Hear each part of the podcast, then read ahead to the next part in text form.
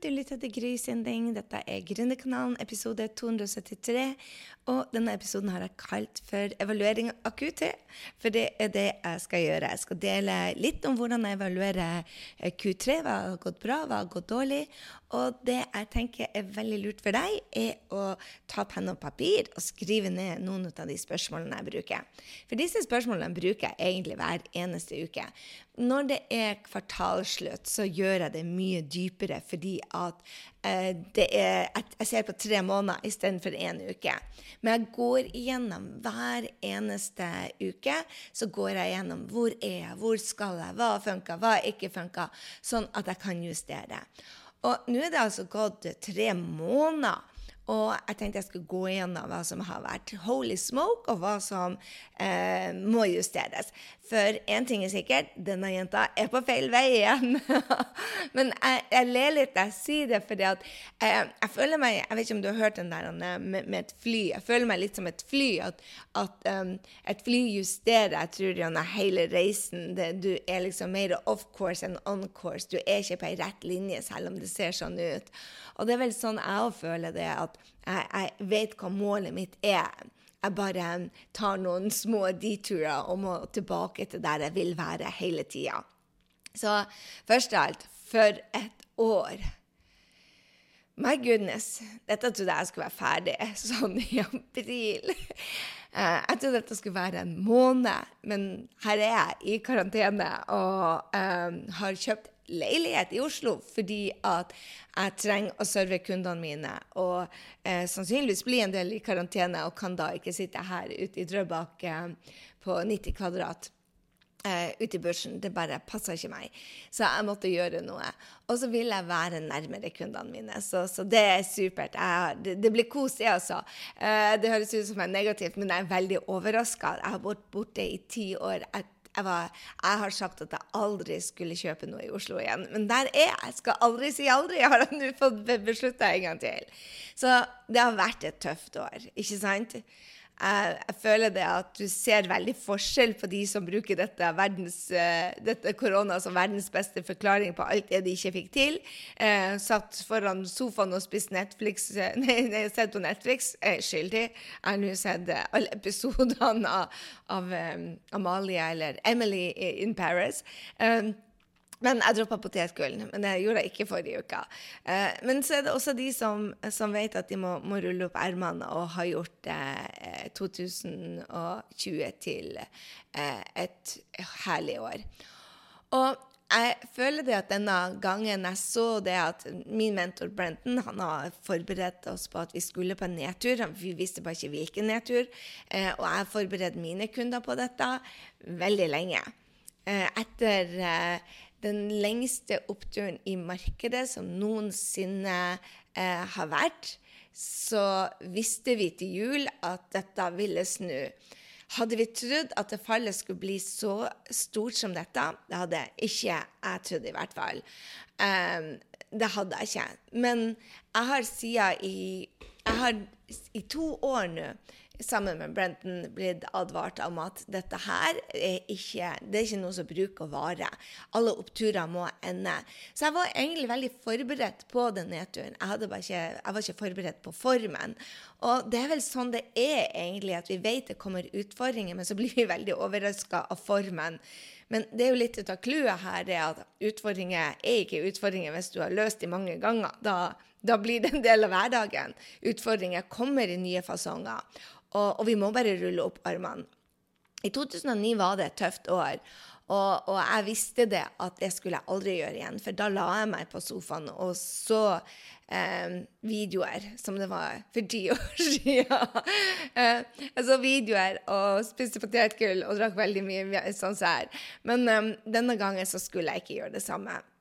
Så nå er jeg jo i en fortsatt situasjon at jeg driver på med noe som, som, ikke er berørt av korona. Men tro for all del ikke at vi ikke er berørt. Det er alle sammen. Alle av oss er berørt. Men vi har hatt det beste året noensinne. Men jeg har gjort utrolig mange feil, og så har jeg gjort noen ting riktig. Da korona kom, så var det jo veldig mange som ble usikre. Kan man selge i denne situasjonen? Og da hadde jeg ikke en mentor, og da satte jeg meg ned og vurderte um, For også min mentor bare shut down. Alle shutta down i den perioden.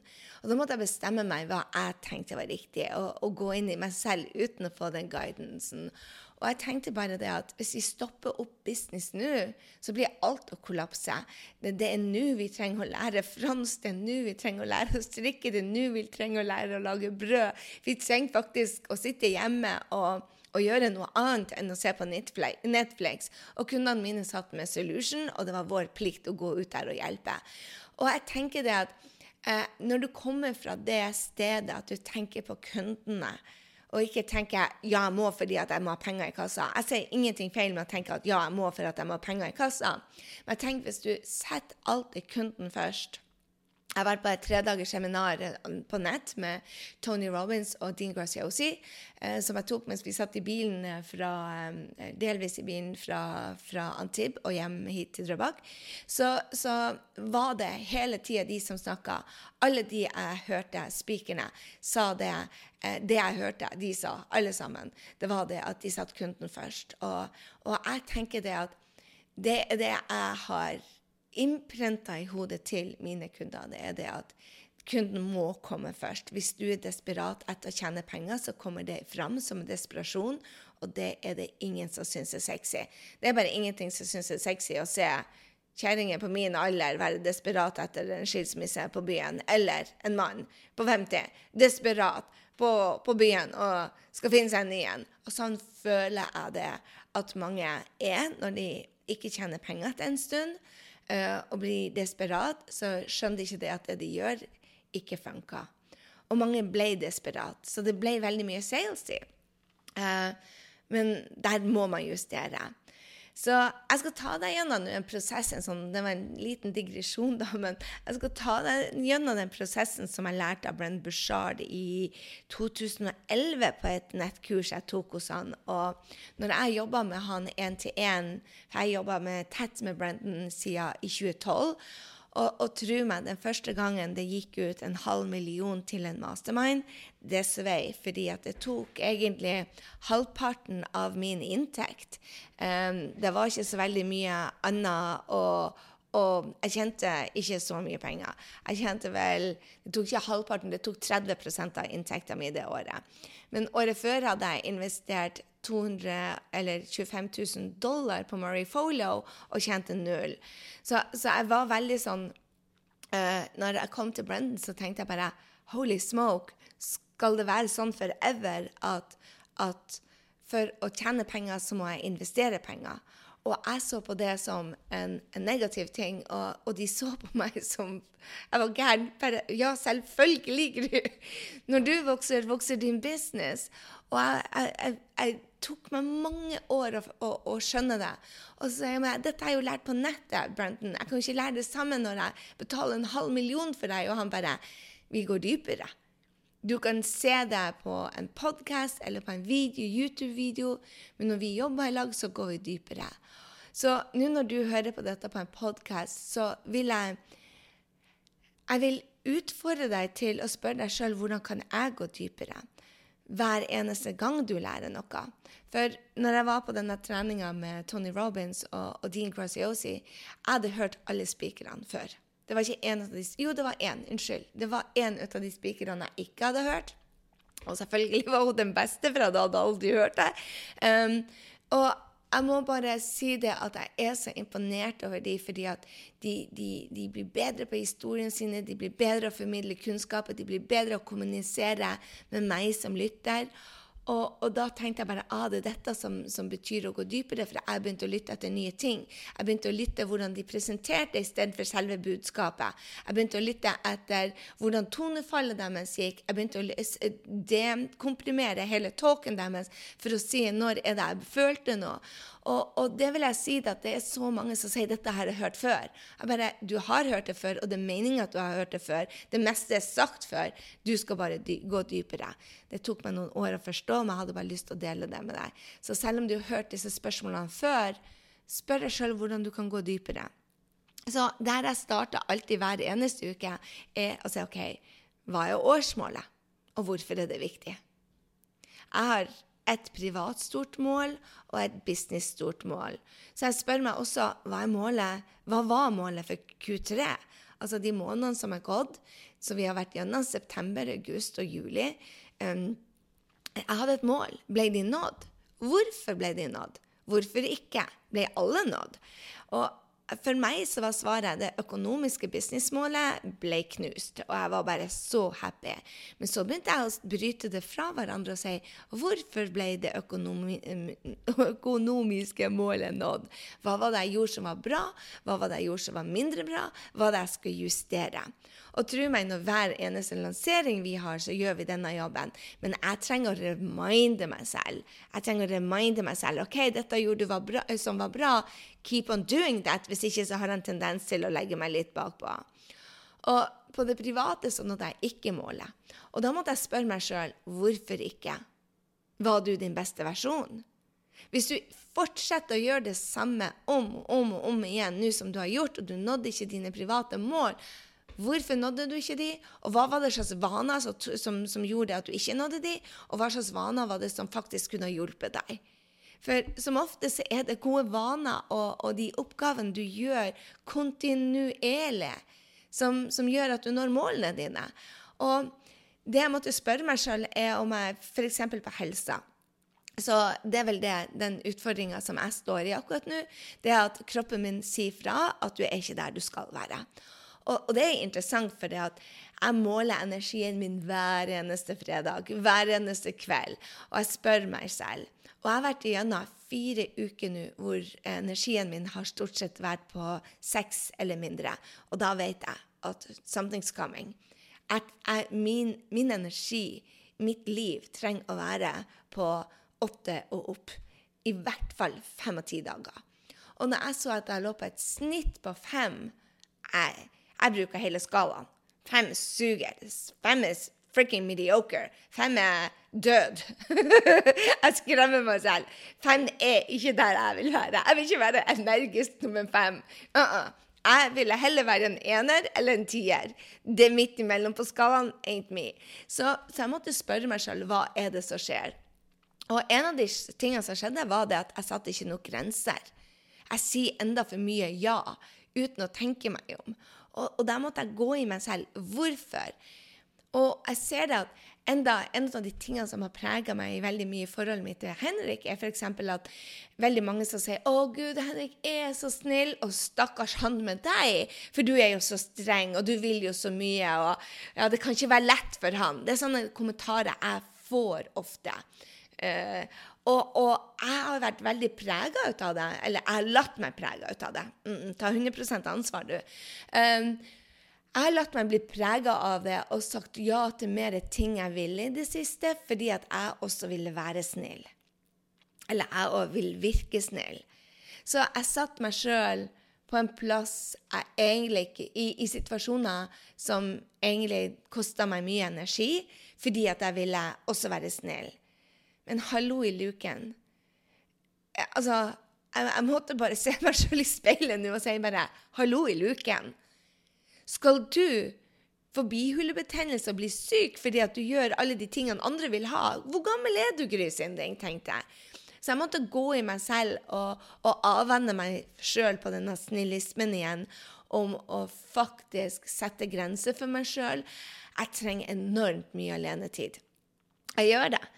Og Henrik er mye mer sosial enn meg. Det er ikke veldig mange som tror oss på det, men det er han. Han liker å gjøre ting i helgene. Han liker å gå ut og finne på ting. Han Når vi er i Paris, så vil han gå på alle museene, han vil oppleve. Og vet du hva? Gry har egentlig bare lyst å ligge i senga. For jeg er så aktiv til vanlig. Så jeg var bare sånn bare han, OK, nå gjør du det igjen. Og det betyr det at til slutt så fikk jeg en bihulebetennelse som ikke vil slippe. Og endelig har jeg kommet meg på antibiotika, men det gjorde at tre uker så var, som, så var kroppen min i krangel. Og nå sa han ifra. Nå må du stoppe opp og gjøre det du vil. Og det, det, det var også det med, med, med Skap din drømmejobb-kurset. Jeg er på altfor mye. Yes, du skal levere til, eh, til kundene dine. Men to og en halv time i strekk er ikke sunt for deg. Så selv om folk trenger deg, så trenger du å hvile. Og så jeg har en tendens til å ville bli likt. Jeg klarer jeg, jeg har ikke trent meg nok på å sette de grensene. Så nå har jeg begynt å øve meg. ok, Der går en alarm når jeg skal gå av, sånn at jeg ikke gir og gir og gir. For du kan ikke gi når du er tom. Um, You can't pour for an empty cup, sier de, og det, det, stemmer. Du er nødt å bygge deg selv først. Og jeg vet dette, jeg kan dette, jeg er en ekspert på teorien på det, men praksis har jeg feila så til de grader i det siste. Så jeg går videre, og jeg vil jeg, jeg trenger jo bare egentlig fortelle deg hvilke spørsmål jeg spør meg sjøl. Men jeg vil også at du skal vite det at jeg deler detaljene her, for det at um, jeg lærer kundene mine at de skal ta vare på seg sjøl. Og jeg vil også at de skal vite at hei, dette er ikke er gjort noe over natta. Jeg jobba med dette siden i 2011. Og jeg fremdeles faller tilbake. Det er derfor jeg har disse vanene på plass. I kalenderen min klokken to så står det evaluering. Hver eneste måned etter kvartalet. Siste fredagen i måneden eller um, så, denne gangen måtte jeg flytte det fordi vi var på tur. Så har jeg en tre timers evaluering av kvartalet. Hvis det ikke er i kalenderen, så blir det ikke gjort, var det en eller annen mentor som sa til meg. Og derfor er jeg blitt fanatisk på kalenderen, for da vet jeg at det blir gjort. Så folk sier til meg hvordan jeg klarer å få inn så mye, eller spør meg hvordan jeg klarer å få inn så gode vaner. Jeg bruker alarmer. Jeg ser at det kommer til å gå en alarm eh, nå om fem minutter, så jeg må bare forte meg å slå av. Fordi at klokken 8.55 hver eneste dag så kommer det en alarm til meg som spør Gry, har du tatt eh, eh, hva heter det, menopause-tablettene dine. Eh, har du tatt pillen? ikke p-pillen, men den andre pillen. jeg, jeg har ikke fått det inn i systemet mitt. Jeg har vært på det i to måneder, blitt så mye bedre. Og det var en av de tingene som eh, jeg lærte ut av når jeg gjorde denne evalueringa. At, at, jeg tok tak i det så seint, gjorde at jeg brøt kroppen min ned litt for mye før jeg tok tak. Så hadde dette vært ungene mine eller mannen min eller en kunde, så hadde jeg gjort noe mye tidligere. Men nå, Gry, det er ikke så nøye. Det går sikkert over snart. Og ikke gått over denne uka. Ref denne bihulebetennelsen. Eh, jeg har en tendens til å, å um, gjøre mer for kundene mine og for mannen min og for ungene mine enn jeg gjør for meg sjøl. Og mange vil kanskje si ja, men Gry, du virker så ego. Jepp, og jeg trenger å bli enda mer ego. Det er faktisk ikke ego å, å ta vare på seg sjøl. Jeg fatter ikke hvorfor mange syns det. Anyway, snakker meg litt bort her. Um, du må sette på alarmer. Så jeg putta det alarmer på hvis jeg skal få inn noe nytt. Jeg har ikke ennå kommet meg inn i at jeg skal ta en pille klokken uh, neste år opp. Jeg glemte det i dag òg, men jeg har en backup som ringer klokken fem på ni og spør om jeg hadde den. Hvis ikke, så går jeg og gjør det med en gang, da. Og det tror jeg er veldig lurt når du skal inn nye vaner. Så jeg stiller klokka mi, eller alarmen på telefonen som slår ut på Apple-klokka mi. Eh, jeg stiller den på ting jeg skal huske. Plasten som skal ut hver tirsdag i Frankrike, eh, den har en alarm på. Alt som er viktig for meg Jeg syns ikke det er gøy å, å ha plast liggende så lenge, så det er viktig. Jeg har alarmer på det. Jeg alarmer på når jeg skal uh, evaluere. Jeg har alarmer på ting som er viktig. OK? Og det tror jeg er, er sånn jeg får inn uh, gode vaner. Jeg har det på Um, jeg har det på meditasjon. Da jeg skulle få det inn. Nå er det blitt en, en naturlig del av hverdagen min, siden jeg har gjort det siden mars. Men Så nå har jeg slått av de alarmene. Jeg har ennå ikke fått den inn på vann, så den har en alarm på nå. Som jeg har en sånn liten flaske som skal fylles opp. Uh, jeg har den på hver andre time, så jeg går og drikker den. Så, så for at vaner skal gå inn, så må du ha alarmer på. Men jeg har ingen andre alarmer på. Det er ikke en plinging på min PC. Jeg hører mange bare plinginger på e-mailen sin, så tenker jeg bare Oh my God. Vet du egentlig hva det kosta deg i løpet av en dag?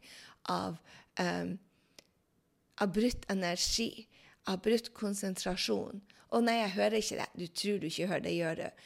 Eller de som har en, en, lys hver gang du får en melding på telefon, eller en notification på sosiale medier. Jeg forstår det ikke. Når jeg går inn på sosiale medier, så får jeg noen ganger svar fra folk på en gang. Og da tenker jeg bare Åssen går det an? Du var på i morges når jeg var og svarte, du var på nå. Vi er ikke så synkronisert. Det betyr det at du har en eller annen alarm på. Sosiale medier. Sånn forstår jeg bare ikke. Jeg gjør ikke det. OK, nå skal jeg, skal jeg gå tilbake og gjenta det. OK, jeg gjør det. Gode spørsmål. Hva er årsmålet? Et business, et per privat? Eh, hva var målet for Q3? For det er en del av årsmålet. Ble det nådd? Hvorfor? Hvorfor ikke? Og så spør jeg ja, eh, hva kunne jeg gjort bedre? Hvilke vaner vil ta meg dit? Hvilke vaner hindrer meg? Og så spør jeg meg sjøl hva er jeg sabla stolt over? Og den går jeg i dybden på, egentlig hver dag.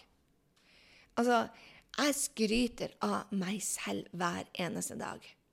For vet du hva?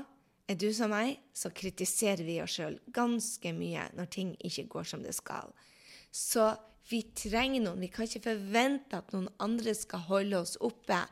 Så det er viktig å skryte ut av oss sjøl hver eneste dag. Så hva er du stolt over? Jeg spør også hva jeg er takknemlig over hver eneste dag. Den, den tar jeg egentlig ikke så mye inn i, i denne um, den, den, er en del av den daglige vanen min, så hvis du ikke har den inne, så hva er du takknemlig for? Akkurat nå så går jeg bare og gråter av glede når jeg ser grisene mine. Jeg har noen griser som jeg snakker med hver dag på Ramme gård. Jeg er så glad for å se dem igjen, og jeg tror de er like glad for å se meg igjen. Og jeg ser høstfargene, og bare det veldig opp i meg. Skulle tro at jeg var på hormoner. Um, jeg ser på, jeg føler regnet i ansiktet. Jeg bare Stop up and smell the roses. Når jeg kommer ut til Drøbak etter å ha vært borte lenge, så ser jeg det på en helt ny måte nærheten til havet. Jeg sitter liksom Jeg vet ikke hvor mange meter det er over havet. Veldig dårlig på sånn. Huset er ti meter, så det er i hvert fall 50 meter opp hit, kanskje. Ja, 40. I don't know. Men jeg ser hele Drøbaksundet herfra. Og det å få lov til å sitte og se på havet hver eneste dag, det gjør noe med meg det å løpe en tur hver eneste morgen Jeg står opp, løper hver eneste morgen, eller jeg løper ikke hver dag, jeg går innimellom òg. Men, men jeg, jeg, gjør disse tingene. Det, det, det, bare Det å være takknemlig for det Oh la la. Og det samme gjør jeg når jeg kommer inn til byen, og det samme gjør jeg når jeg kommer ned til Frankrike. Men så har jeg en tendens å la det bli bare ting som jeg ikke ser. Men da må jeg lete etter det. I begynnelsen så er det lett å være takknemlig for det, men så må jeg begynne å bruke fantasien min. så anyway. Så det jeg spør meg, som, som jeg, jeg, vil at du skal tenke på og, gå dypere er i hvilke vaner er det som hindrer deg, og hva hindrer deg i å nå målene dine? Hva må endres? Hva er konsekvensen hvis du fortsetter med det du gjør? Jeg hadde en coaching uh, på Skap din drømmejobb som var bare rå. Hun var helt fantastisk. Hun var så åpen og så coachable. Du, når folk ikke går i forsvarsposisjon, men åpent og ærlig vil endre seg for de vil ha et bedre liv Ingenting er Når du tør å være vulnerable, når du tør å være åpen og coachable, oh la la. Så hun hadde vært på Hun hadde vært um, Hun hadde ramla ut av arbeidslivet, skrev hun til meg. Og hun var lei så hun sa det også høyt. Jeg ramla ut av arbeidslivet. Og først av alt så måtte jeg bare sjekke hvor coachable hun var. For hvordan ville hun ta det når jeg sa det at man ramler ikke ut av et arbeidsliv? Man en, får en konsekvent, konsekvens av de dårlige valgene man har tatt for seg sjøl. Man har tatt kanskje dårlige valg i 20 år. Det er ikke sjefen, det er ikke kollegaene, det er ikke arbeidsmiljøet. Man har valgt å bli i et arbeidsmiljø som ikke er bra for en. Det er et personlig valg. Om man gjør det i mange år, da blir man syk. Alle vet det.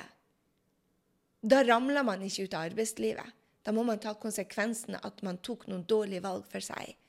Og det var det hun gjorde. Og hun så seg selv i speilet da, og jeg tror hun vurderte skal jeg komme med gode forklaringer, eller vil jeg ha andre resultater og hun landa på Og jeg gråt, og hun gråt. Og det er nå sånn som det er når jeg coacher, by the way. Jeg har min egen stil, for å si det sånn. Um, man skal liksom ikke påvirkes av kundene. Glem det.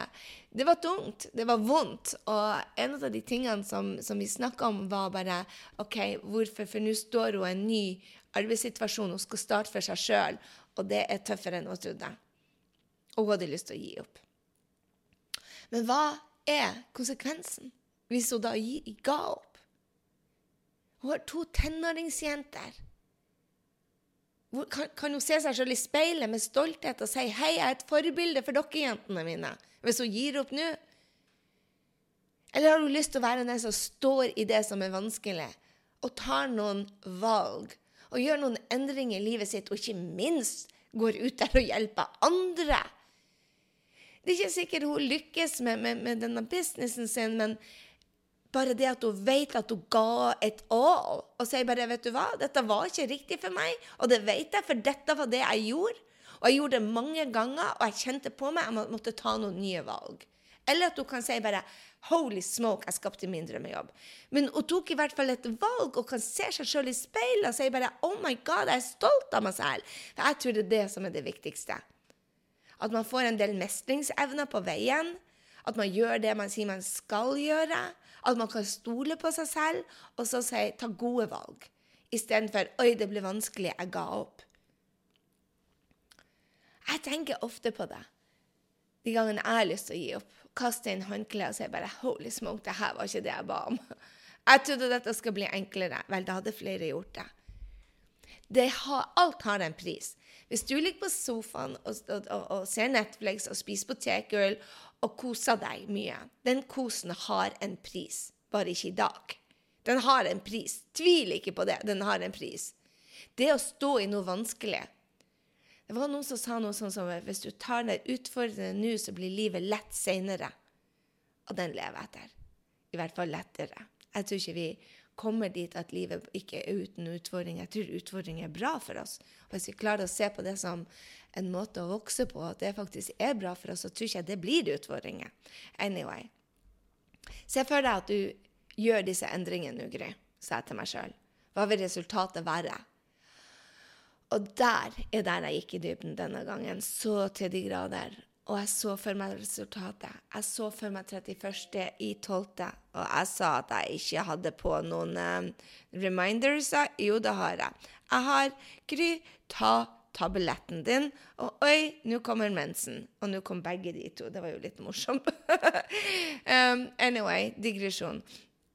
Um, jeg hadde lyst til å dele med deg at det å Det å se for deg hvordan livet ditt ser ut 31.12., tre måneder før nå Hvis du får opp energien din, hvis du jobber med deg selv, hvis du tar bort det som hindrer deg, hvis du tar av håndbrekket og gir full gass Hvordan full gass ser ut for deg. For full gass kan være på yogamatta. Full kan, gass kan være å hvile. Jeg mener ikke full gass at det, det er masse energi eh, på, på, på, på grymåten. Jeg mener å gjøre det du vet. Full gass på det du vet er bra for deg, som tar deg til ditt mål. Og for noen så er det å trykke på pauseknappen. Og for meg, på noen måter, så er det trykke på pauseknappen. Men det er også å være sabla mer produktiv de tre timene jeg skal jobbe. Det betyr å gå av sosiale medier. Det er like viktig å gi full gass er like viktig å si nei til 99% og ja til den ene prosenten. Det er sånn du blir 1% by the way. Det er ikke å si ja til alt. Jeg har sett ja til altfor mye, enda jeg er steingod til å si nei. Jeg må si ja til mer av det som løfter meg, og stoppe opp og tenke vil dette gi energi? Jeg vil bruke for mye energi her. Når jeg, når jeg coacher kundene mine, så får jeg energi. Når jeg coacher to og en halv time på rad uten pause og er dehydrert, da tar det energi. Så enkelt er det. Jeg elsker å være sammen med kundene mine. Jeg er sammen med dem på mandager, på tirsdager og på torsdager. Jeg har lagt inn tre coachinger i uka nå til det for at de skal komme seg videre. Men jeg trenger ikke å være tre timer på, eller to og en halv time på. Uh -uh. Det er ikke bra for meg, og det er ikke bra for dem. Skjønner du? For mye ut av det gode blir for mye. Og også for mye trening ble for god. Jeg har en kunde som, som var veldig sliten. Utrolig sliten. Hun brukte ordet 'sliten'-ordet. Og hun tenkte at hvis jeg passer på nå, så går jeg på en smell. Men allikevel så gikk hun på høypulstreninger. Jeg bare OMG! Hver eneste høypulstrening eller PT-time eller så bru, Når vi pusher kroppen, så bryter vi den ned. Er det én ting jeg har gjort nå, så er det å stoppe de knallharde treningene til kroppen er tilbake. Det betyr ikke at jeg slutter å gå eller å gjøre yoga eller å ta mine pushups. De er der. Men å pushe meg sjøl i en time på rad, det gjør jeg ikke når kroppen sier stopp. Så jeg tror det er veldig viktig at du vet at full gass betyr ikke full gass all the way. Full gass kan være det at du bruker tida di til å meditere, bruker tida di til å ta en pause, men vit også når er det du går mot målet. Jeg gjør bare tre ting mot målene mine hver eneste dag. Tre ting. That's it. Mye av det andre er levering på det som jeg skal levere på. Jeg jobber ikke bare tre timer om dagen ennå, men så jeg hadde bare lyst til å, å, å dele det at full gass trenger ikke Det var sa da, Gry, jeg er så ferdig med full gass. Jeg bare, mm, kanskje vi bare rett og slett definerer full gass um, forskjellig. Um, jeg så på den, den Emilie, Emily in Paris, en sånn serie på Netflix i går. Og så sa, var det en Jeg syns den er hilarious, by the way. Veldig overdreven om franskmenn, men så på kornet til de grader. Og jeg har nå bodd der noen år. Så sa det bare um, jeg sa til Emily, amerikaner, sa det bare Å, jeg syns det er så deilig å sitte på kafé og bare ikke føle meg dømt for å ikke gjøre noen ting. Bare Her ser det ut som de har det som en artform. Bare alle som hviler, og alle som bare sitter og ser på folk. It's an art form! Og jeg holdt på å le meg i hjel, for det er så true. De er så gode på å slappe av. Anyway. Jeg hadde bare lyst til å si det at, at, det kan være eh, en del av full gass. Det er det at du faktisk, når du er din beste versjon, at du trenger å hvile. Så en annen ting jeg spør meg eh, Hvilke historier der forteller meg sjøl som ikke hjelper meg selv? Og her la jeg ut en video til Skapende drømmejobb-gruppa som var bare litt sippete, men her svarte jeg. Slutt å fortelle meg at jeg sjøl er en dårlig mamma. Er det noe jeg gjør hver gang jeg gjør en tabbe med ungene, så forteller jeg meg sjøl at jeg er en dårlig mamma. Når jeg gjør en tabbe på jobben, når jeg gjør en tabbe på jobben, så sier jeg bare ah, feil, en feil, en feil, og en til, så er det en suksess. Øve, øve. Når det gjelder ungene mine, så har jeg gitt meg en sånn null tabbekvote. Så hver gang jeg gjør en feil, så sier jeg ikke OK, du øver, vi får øve igjen. Jeg sier du suger som en mamma, og her har du beviset på det. Og den historien hjelper ikke meg. Så nå sa jeg det til meg selv, OK, nå parkerer vi den. Hver gang du gjør feil med barna dine, så gjør du akkurat det samme som når du er på jobb. OK, vi gjorde en feil. Den der gjør vi ikke. Hadde jeg gjort det igjen, så hadde jeg gjort A, B og C isteden. Det skal jeg gjøre neste gang. Og så forteller de at jeg gjorde en feil. OK. Så den historien hjalp ikke meg. Men hvilke historier er det du forteller deg sjøl som ikke hjelper deg? At du suger hver gang du gjør en feil, eller at dette klarer du ikke, eller kanskje du forteller deg at du ikke er teknisk, at du ikke er sexy, at du ikke er. Det var i går. I dag kan du velge å bli en helt ny versjon. Jeg er så takknemlig for Tony Robins, for Tony Robins lærte meg i 2010 at du er ikke historia di. Du kan være takknemlig for stor, historier. Han lærte meg å være takknemlig for seksuell misbruk, at jeg ble banka. Han lærte meg at alle de tøffe takene jeg har gått gjennom i livet mitt, er faktisk det beste som kunne skjedd meg, fordi det har brakt så enormt mye positivt. Langt mer positivt enn det negative. Det var seks år med tøffe tak, hvor jeg ikke hadde det så bra fra seks til tolv år. Og etter det så har det bare gitt meg så mange gaver, som barna mine, som jobben min, som å reise, som arbeidsmoralen min, som verdiene mine. Jeg er hvem jeg er i dag. Så, så det å være takknemlig for det som har skjedd Tony Robins lærte meg også det at historien din trenger ikke, i går trenger ikke være i dag. Du, du, kan starte på nytt hver eneste dag. Så i det siste så har jeg begynt å gjøre Tony Robins-move, som er bare fantastisk, by the way. Et move som får meg ut av selvmedlidenhet eller nedturer eller dårlig energi. Så Siste hva må du lære deg? Hvem trenger du hjelp av? Hvilke karaktertrekk trenger du for å bli enda bedre? Og husk å jobbe med styrkene dine. Og ja, vi har noen svakheter alle sammen, men det er ikke der vi skal legge tida vår. Så det jeg gjør på svakhetene mine, er bare skri, skrive ned når jeg skal sette det bort, eller når noen andre skal gjøre det. Hvem har du vært, og hvor er du dedikert til å bli, gå? Og hele tida, om du nå ikke konsekvent gryr på dette, hvilke konsekvenser får det?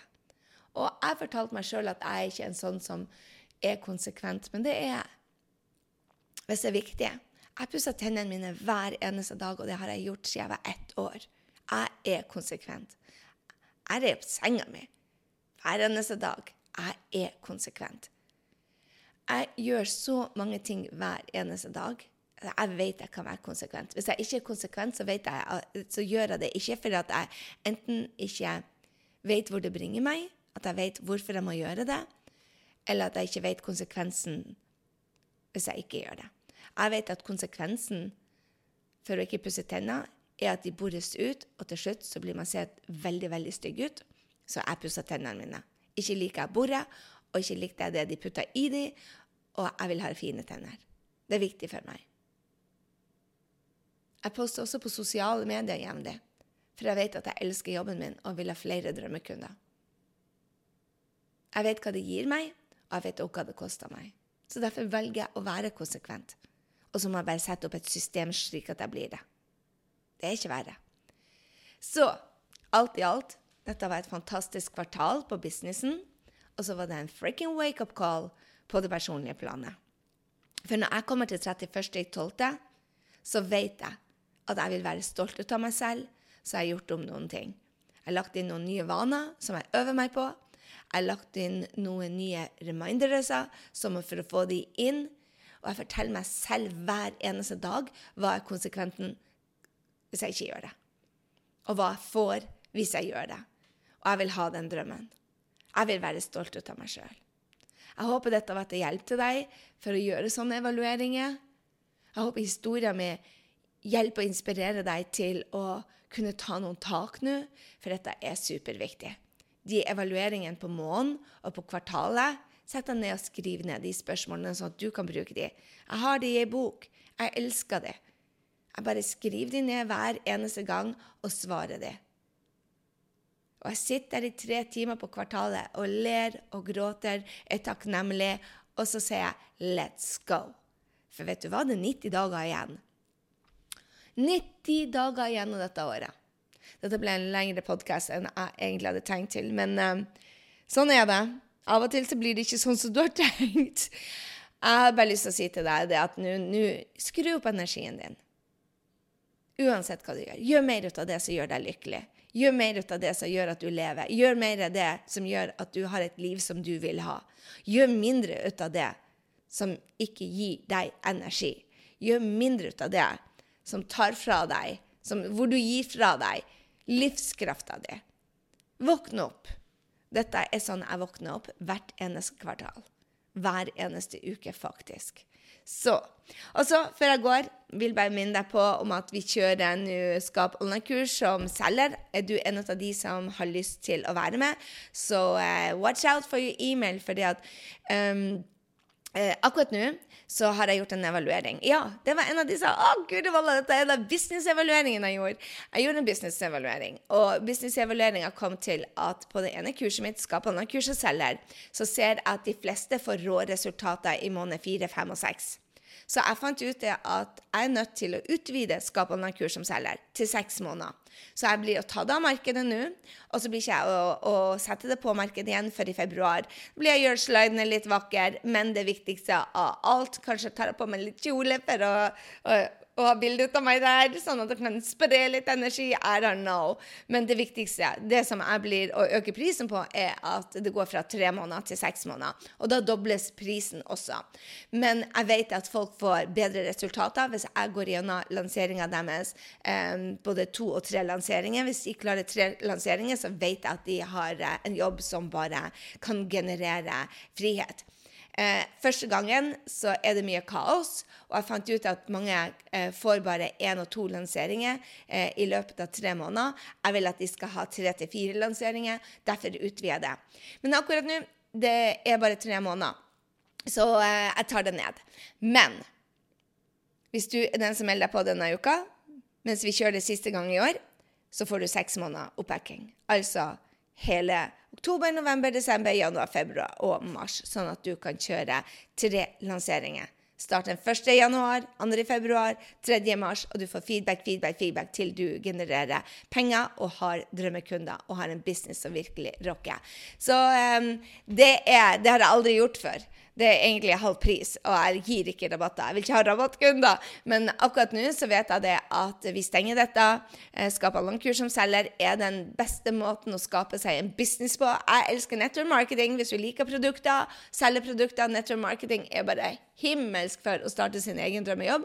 Eh, og hvis du vil selge kunnskap eh, og deg, så er online-kurs rått på å starte sin egen drømmejobb. Er du en av dem, så får du altså seks måneder oppbacking fra meg fra nå til eh, seks måneder, og du får det for den prisen, den gamle prisen. For vi dobla prisen siden vi dobla hjelpa. Så har du lyst, gå inn på grysynding.no slash onlinekurs. Der kjører jeg en trening, og så står det ikke at du får seks måneder der, men jeg lover deg, du får seks måneder. Eh, så eh, har du lyst til å være med, hiv deg på. OK. Mus, mus. Ses i neste uke. Hei så lenge.